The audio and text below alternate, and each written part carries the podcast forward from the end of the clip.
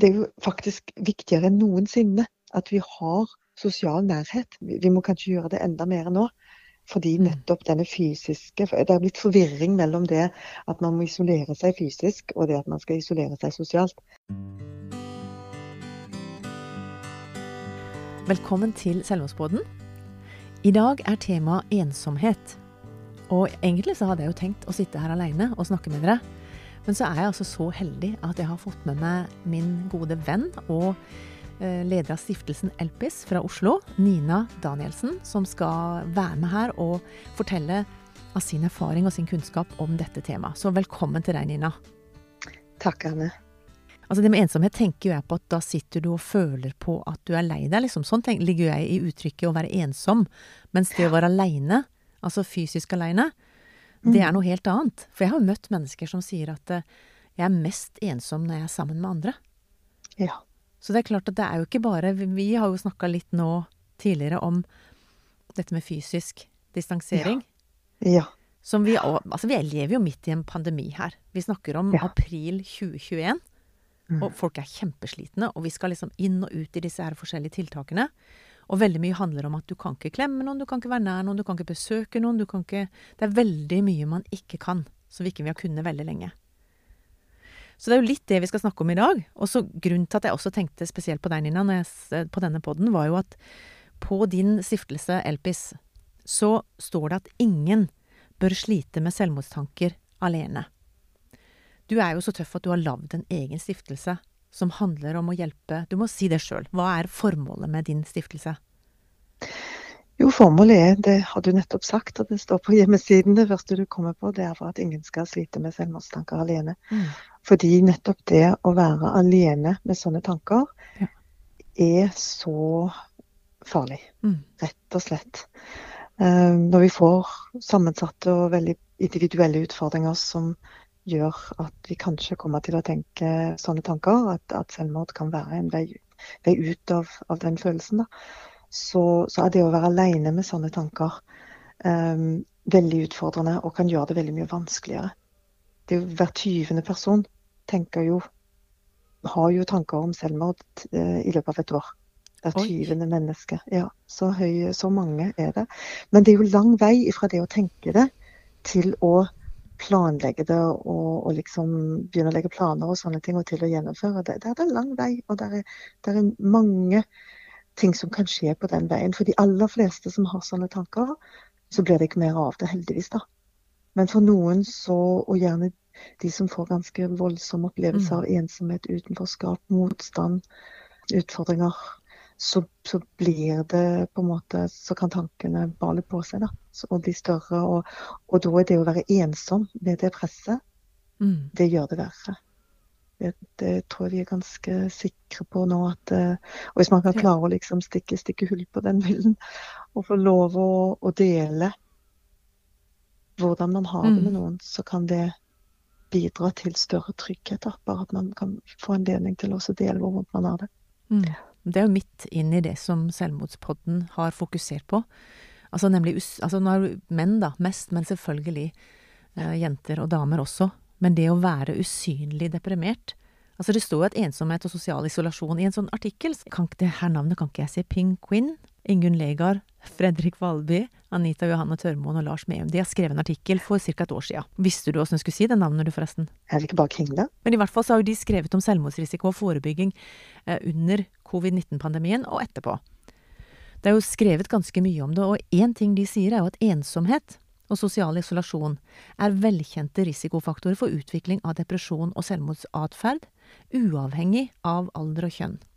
Det er jo en ganske sånn Altså dette med ensomhet og selvmord er jo noe som dessverre henger sammen. Og spesielt, som du nevnte i stad, hvis ikke man snakker om det, hvis man går alene med dette her, så vil det veldig fort resultere i en sånn veldig ensomhetsfølelse at eh, jeg kan ikke si det til noen. Men har du flere tanker, Nina, på, på dette med ensomhet? Hva det er for slags fenomen, og hvor farlig det er? Hvis man snakker om ensomhet i forbindelse med det å ha det vanskelig, da, med å ha motgang i livet, Mm. så, så har vi jo nevnt at det, det kan være en ekstra belastning da, å være ensom med problemene. Og, og føle seg ensom. Og når man da ønsker å kanskje søke forståelse hos andre, eh, eller om man søker å dele eh, vanskene, så kan man være redd for at um, uff, kanskje folk ikke kommer til å forstå meg. Kanskje de kommer til å synes at jeg uh, skal ha oppmerksomhet, eller at jeg uh, overdramatiserer. Folk kommer kanskje til å avfeie det, ikke ta meg på alvor. Eller kommer kanskje til å overreagere, til og med, når jeg forteller at jeg har det vanskelig. Så på en mm. måte kan det være en trygghet i det å bare holde Det kan føles tryggere å holde ting for seg selv. For da har man liksom på en måte kontroll på informasjonen og på følelsene. Men gud, det er slitsomt. Men det er veldig slitsomt. Og det er veldig lett å ikke merke hvor slitsomt det er.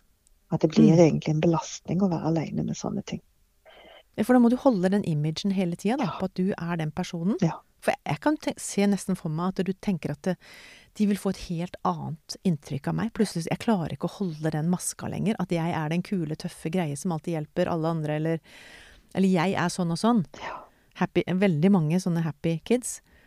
Som, som, ikke Altså, hvem er jeg da? Mm. Altså, vil jeg miste vennene mine? Vil jeg miste posisjonene mine? Vil jeg jeg, jeg kan jo godt forstå at de er livredde for det. Ja. ja. Hvis man føler seg omgitt av glade, lykkelige, vellykkede mennesker, eh, tilsynelatende, så kan det jo være veldig vanskelig å være den som strekker opp hånden og sier at nå, nå har jeg det vanskelig. Og man kan være redd for å være en belastning liksom. Mm. At mm. andre opplever som en sånn eh, partypooper. At her kommer du og alltid skal du snakke om uh, at du har det vanskelig, liksom. Men, det er jo forskjell på alltid og det å plutselig si vet du hva, jeg, jeg, jeg har det vanskelig akkurat nå. Mm. Men det der å være til bry, det sto det jo om i den artikkelen her. Ja. Det er mange som bare Og spesielt gutter, kanskje. At de tenker jeg kan ikke belemre andre med disse tinga her, liksom. Og det der å være til bry, det gjør jo også til at man bare blir mer og mer ensom, da, fordi at du, du blir ensom i din egen smerte. Nå hørtes jeg nesten dyp ut her. Ja, ja. ja men, men, å være ensom med smerte er jo kjempevanskelig, ikke sant. Og da, da er det jeg vil gjerne si at det er to måter som man kan tenke Forenkle det litt, men du kan tenke på det på to måter. Én er hvis jeg åpner meg for vennene mine, og de syns at jeg er litt sånn slitsom og plagsom, er de da egentlig gode venner. Ikke sant? Mm. Um, hvis jeg sier til noen jeg har det kjempevanskelig, jeg sliter med ditt og datt, uh, hva det nå måtte være av personlige eller situasjonsproblemer eller penger eller relasjoner eller jobb eller ja, Det er jo så mye som kan oppleves som belastende. Hvis de da sier det at nei, da, ikke bry deg om det, det der er jo du bare tuller. Er det, mm. er det egentlig en sånn venn som det er skal jeg kanskje velge en annen venn, for å si det sånn. Um. En annen person. Det var kanskje ikke rette person, kanskje ikke riktig tid. Det er ikke meg det er noe galt med hvis de ikke klarer å ta imot det som jeg deler. Da har jeg bare Det ble, det ble feil situasjon, feil person. Da kan vi prøve noen andre, kanskje. Og det andre er jo at hvis en åpner seg mot noen når en har det vanskelig, så kan en samtidig gjøre det mulig for dem å åpne seg for deg når de har det vanskelig. Veldig bra innspill. Mm. Du, på en måte, du gir andre anledning til å være gode med deg. Og, og, da vet de at OK, her er det en person som er litt mer enn bare glede og latter og tøys og tull. Og her er det noen som jeg virkelig kan ha noe litt mer meningsfullt med. Noen som jeg trenger støtte av og til, og som jeg kan støtte meg på når jeg trenger hjelp. Og det er jo en fantastisk gave å gi, da. Det tenker jeg, hvis, hvis man kan snu eh, tankesettet litt Det har jeg måttet gjort sjøl opp igjennom, for jeg var sånn typisk som, som, problemløser, ikke sant. Som alltid så løsninga på andres problemer, og som ofte ble spurt om hjelp. Men jeg syns det var kjempevanskelig å be om hjelp sjøl. Så det jeg har måttet gjort i mitt hode, er jo hvis, hvis, den personen nå hadde kommet til meg og spurt om akkurat det du har tenkt å si til den Hvis, hvis den personen hadde kommet og sagt Anne, nå sliter jeg kjempemye med et eller annet sånn. Hadde det gjort at jeg hadde dissa de, eller følt at de var noe mindre kule eller mindre venner. Altså, det motsatte skjer jo. Mm. Men prøv litt å høre om den personen makter å høre på det du har å si. Folk har jo lyst til å være med og hjelpe, rett og slett. Og Noen har sagt at det er en fin måte å gjøre det på. Jeg husker helt hvor jeg hørte denne, dette, men noen har sagt at jeg kan spørre på forhånd er du klar for uh, Har du liksom plass til å høre på meg akkurat nå? Til jeg har, noe, har det litt vanskelig nå? Mm. Har du tid til å ta en prat med meg om det? Ja. Og på en måte spørre om det passer. For det, vi har jo mm. alle tider der vi er litt overveldet selv, og der vi kanskje ikke har tid. Og så kan jeg kanskje noen timer eller en dag eller to senere si at du, det husker du sa at du hadde lyst til å prate. Jeg hadde ikke tid akkurat da, men nå, nå har jeg tid. Nå prater vi om det. Det er en fin måte å gjøre det. For Mm. når folk sitter med middagsbordet, eller de holder på og har kanskje en eksamen eller har en deadline på et eller annet, så kan det virke som de er veldig avvisende og bare si at vet du, jeg har ikke kjangs til å holde på med dette. Eller at de, de klarer ikke å gi en ordentlig svar. Mm. Men det kan handle like mye om at de sitt hode er en annen plass. Så derfor er det smart å spørre direkte. Ja. Du, har du kapasitet? Eller jeg har også hørt den der en plass, altså. Men det er noen, sikkert et klokt menneske som har sagt det iallfall. At det er smart å spørre har du kapasitet til å, til å snakke litt nå, eller har du tid eller Mm. mulighet? Og så er det det andre som jeg ville nevne, og det det med at når en sitter Og nå refererer jeg kanskje spesielt til de som har ganske mørke tanker, da, som kanskje tenker på selvmord og, og selvskading og sliter veldig, da. Og prøver å få kontroll på smerten sin eller få et utløp for den. At de kan føle seg ensomme nettopp pga. de tankene. At de kanskje tror at det er ingen som kan forstå dem, eller kan ta imot tyngden av det de har å dele. Og da kan det hende at de søker samhold med andre som har det like vanskelig. For da kan det kanskje bli at eh, kanskje de forstår meg, fordi de sliter med lignende problematikk. Da mener du folk som er midt oppi det sjøl, Ja. liksom? Nettopp. Ok. Og, og det, det er det jo. Det finnes jo andre mennesker som, som sliter med, med sånn problematikk. Det er, man er ikke, du er ikke alene i verden som har Mm. sånne tanker. Og her er det endelig noen som opplever noe lignende, og så kan dere utveksle erfaringer og si det at ja, det er liksom sånn er det. Jeg forstår at det kan oppleves veldig støttende, og det kan være livreddende å treffe på en person som, som du kan føle det fellesskapet med. Men samtidig må du ha andre mennesker også å støtte deg på. Fordi Mm. det kan være ganske Det kan forsterke følelsene. For det er vanskelig å få det perspektivet når en sitter bare inne i den tunge verden med de tunge tankene. Det å søke flere støtter få hjelp, mer flere som kan hjelpe en til å se på sin egen situasjon. eh, Men Nina, hvor finner du den hjelpen, da? For der blir jeg liksom, Det er jo mange som snakker om at eh, hjelp, hjelp, og vi har jo opplevd det sjøl. Altså, jeg har opplevd det ganske tett på kroppen, det at du, du ber om hjelp, og så får du det ikke. Eller du vet ikke hvor du skal finne den. Alle har jo forskjellige utfordringer, Anne, og det er nettopp derfor Mm. det er så forskjellig hvor vi finner støtte òg. Du kan si Det kommer an på hvilke utfordringer du har. ikke sant? Og vi vet jo på en måte også at det er ikke nødvendigvis de profesjonelle. Mange får hjelp av fastlegen, mange får hjelp av en god psykolog. Eh, mange får hjelp av eh, liksom, psykiatriske tjenester hvis, hvis de har eh, utfordringer på psykiatriske utfordringer. Da. Men eh, det kan jo hende at det er helt uventede mennesker som kan hjelpe en ut av den ensomheten. Mm. Helt uventede mennesker. Det kan være en nabo, en kollega, en venn, eh, søsken, som en bare plutselig oppdager at wow, her er det en ressurs, her er det noen som virkelig ser meg, og som forstår meg. Og som kan hjelpe meg å føle meg litt mindre alene oppi de utfordringene som jeg har. For han Arman Westad som vi intervjua forrige uke, han, eh, han snakka om det at eh, det viktigste var å få ut proppen. Altså finn en god person, da, om det er en nabo eller sånn. Ikke vent til du får time om fire måneder, for du tenker at det, det må være en, en eh, psykiater omtrent, ikke sant? Finn en person som du har tillit til, som du vet makter å høre det du har å snakke om. Ja. Og så i hvert fall begynn der å prøve å få ut proppen, og så blir det mye enklere etter hvert å snakke om de andre tingene. Absolutt. Han var kjempefin. Jeg hørte på den podkasten. Han var kjempefin. Og det er et godt poeng, ikke bare når det gjelder gjeld og press og, og, fra gjeld og, og finansielle problemer, som er det han spesialiserer på, men det gjelder alle mulige slags utfordringer. Hvis en Mm. først har klart å sette ord på det, det er noe med det å måtte tvinge Du skal fortelle noe til noen andre, så må du sette ord på det. Og, og bare, bare å få gjort det, så det, du, du har det, den som sliter med å uttrykke det, og det er nyttig i seg selv. Og så har du den andre personen som skal høre på det, da, som kanskje ikke skal være så veldig Ikke skal føle at de må komme med løsninger hele tiden, Nei. men bare skal si anerkjenne at, at, det, at det må jo være kjempevanskelig å være deg akkurat nå. Det må jo være kjempetungt å ha det så vanskelig at en tror at livet ikke er verdt å leve lenger. Det må jo være helt forferdelig. Og så kanskje sammen sette seg og, og bare snakke om det.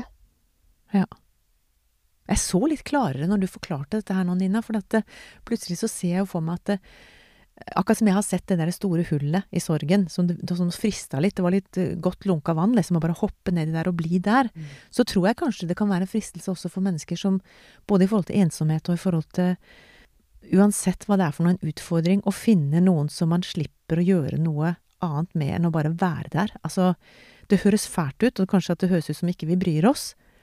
Men den faren med å sette seg ned sammen med mennesker som, som du vet sliter på samme måten, og bare spinne rundt i en sirkel på hvor vanskelig man sjøl har det, og kanskje begynne å disse eller legge skylda rundt seg, eller alt annet, da, da kommer jo ikke lyset inn i det hele tatt. Nå satte du veldig gode ord på det, Anne. Det gikk jo noe opp for meg når du begynte å snakke, for jeg har jo bare tenkt du må komme deg ut, du må ditt og datt, ikke sant, men jeg, den andre saken der med at det, det, er en fristelse, hvis man tenker at man, man ikke makter å gå videre, så blir det at man surrer seg inn i mennesker som sitter og hører på enten depressiv musikk sammen, eller prater hverandre ned, da. Og det er kjempeskummelt. Jeg tror du og meg kan skrive under også på Nå har jo du mer erfaring. Du mista din sønn for flere år tilbake. Og du har på en måte omgitt deg med mange flere, eller kommet lenger i mange prosesser enn det jeg har. Men, men for meg så er det jo for, Altså, jeg får veldig mye ut av å sitte daglig nå, jeg driver med isbading av alle ting, og snakke med ei på 82 som har levd lenge. Som har veldig mye gode innspill inn i mitt liv. Og samtidig så syns jeg det er helt nydelig å snakke med en tolvåring som stadig ringer på døra mi og skal prate. Og så får jeg hos sitt perspektiv inn hvordan verden ser ut. Og så har jeg ungene mine og små og store barnebarn og litt sånn det å være åpen for at jeg plukker opp litt her og litt der, som blir på en måte nesten som å plukke en bukett hver dag med nydelige ting som gjør at jeg, jeg finner mening i å være her i dag. Og jeg lærer noe nytt. Og jeg har det egentlig ikke så verst. Utrolig vakkert Ble jeg veldig dyp nå? Nei, du var vakkert Jeg ser disse bildene for meg plutselig. Det, det, det jeg tror du forteller, Anne, det er at du føler deg ikke ensom. Du, jeg gjør ikke det, altså. Nei, du er omgitt av mennesker som du føler gir deg noe, og du føler deg sett og erfart. Liksom, du er en viktig del av andre. Du opplever at du er viktig i andre menneskers liv. Da. Og det er akkurat det å oppleve at man betyr noe. Det, mm. det er det som de ensomme sliter med. At de, de, de, føler at de ikke betyr noe for andre. Kan godt hende de tar feil, men de, mm. sånn føler de det. Ikke sant? Og, og, når de forteller at de føler seg ensom, så er det jo viktig at vi ikke sier 'ja, men jeg sitter jo her med deg'. ikke sant? Ja, ikke sant? For som du sier, nei, nettopp som du sier, så er det mange som føler seg aller ensomst når de er midt iblant en stor gruppe mennesker. Og mm. sånn er det faktisk for noen å, å være menneske. De, de, Sånn er det. Og det, det er like dypt og reelt som å være et levende menneske, i den ensomhetsfølelsen der. Og det er ikke dermed sagt at livet ikke har mening. Men det er et veldig interessant filosofisk spørsmål da, som mange filosofer har skrevet og fundert mye om opp gjennom mm. århundrene. ikke sant? Så ensomhet betyr jo ikke Jeg sa jo til deg når vi snakka litt i stad, jeg er jo mye aleine. Folk aner jo ikke hvor mye aleine jeg egentlig er. Og det tror jeg kanskje du også er i perioder. Det virker jo som vi alltid holder på med forskjellige prosjekter, ikke sant. Men, men det å sette av tid til å være alene uten å føle seg ensom, mm. det er jo en sak. Ja. Vi begynner å nærme oss slutten, vi. Altså, vi skal jo prøve å ha litt sånn korte, korte episoder her, og vi skulle liksom bare ha en bitte liten prat. Men det jeg har lyst til å gjøre helt til slutt, det er å, å bare være litt ærlig med at det har vært eh, to uker siden sist gang vi tok ut en podkast. Og det er fordi at akkurat i tråd med dette her, så har faktisk jeg vært med sammen med Mental Helse og Lillesand kommune og, og Rom Agder og søkt på noe som heter aktivitetstiltak for å motivere ensomhet og passivitet. Og så har jeg tenkt, jeg kan ikke si noe om det, for det er jo så skummelt. Tenk hvis ikke vi får innvilga noen ting, eller at ingen har tro på oss, eller et eller annet sånn. Og så tenker jeg, det å tørre å si at det er her vi er, og det med å tørre å si at det, den som intet våger, intet vinner, ikke sant? Fordi at jeg kjenner jo at jeg brenner så enormt for at uh, Dette er et veldig sånn lavterskeltilbud, da. Et ressurssenter som vi har lyst til å starte opp, som handler om mennesker som ikke tør, eller ikke har lyst, eller ikke har kjangs til å gå den trappa opp til psykisk helse eller Nav. De må også ha mulighet for å bli møtt av mennesker som bryr seg, og som kan hjelpe de veien videre. For å si det veldig kort. Dette er jo det har, mitt hode har vært med, og det har vært så tungt inni dette at jeg har ikke klart å lage en podkast. Og så har vi Nina, da, som har hjulpet meg masse, både i denne prosessen og ellers. Derfor har jeg lyst til å kaste ballen over til deg. Vi er blitt inspirert av noe som heter Livslosen òg, som starter opp. Det er så mye spennende ting. Fortell oss litt om hva som skjer i ditt liv, Nina. Elpis, eh, Stiftelsen Elpis er jo også på søk etter midler, og vi søker midler. Det er jo en årlig prosess ikke sant? Eh, fra mm. både kommunal og og statlige eh, instanser som, som, gir ut midler som skal bidra til å forebygge selvmord i samfunnet. Da. Vi fokuserer da spesielt på selvmordsforebygging, og, det gjør jo Selvmordspodden også. Så jeg syns dette lavterskeltilbudet som du har bedt om eh, midler til, er fantastisk bra. Det å ha et tilbud av hvem som helst, uansett hvilken utfordring de opplever. Selv om de ikke har noen utfordringer, kanskje, så kan de komme dit og bli sett og møtt av hyggelige mennesker som, som, ressurs, som, har ressurser i bakhånd, skulle det være nødvendig. Det syns jeg er, veldig flott, og noe som jeg tror enhver eh, by eh, og landsdel i Norge kunne ha, ha veldig bruk for. For det er mye, mange mennesker som sliter i ensomhet der ute, og i mm. isolasjon og i passivitet. Så det er gode uttrykk som de har brukt på, på, på den prosessen som du har søkt midler til. Og det med Livslosen er jo også et flott prosjekt som eh, Det er helt nytt? Ja, helt nytt. Det er Lovisenberg-stiftelsen som, som, skal opprette noe som heter Livslos. Som rett og slett eh, Det skal vi prøve å få høre litt mer om neste uke. Men fortell du hva du vet om det. Altså Det er jo rett og slett også et lavterskeltilbud, men med eh, sengeplasser. For rett og slett at eh, mennesker som er i livskrise, hva nå den livskrisen måtte bestå i, kan mm. komme til et fysisk sted. Det er da i Oslo. Uten å ha henvisning? Uten henvisning. Bare komme til det fysiske stedet og få en los som skal hjelpe de ifra liksom, det åpne, farlige farvannet inn i trygt i havn igjen.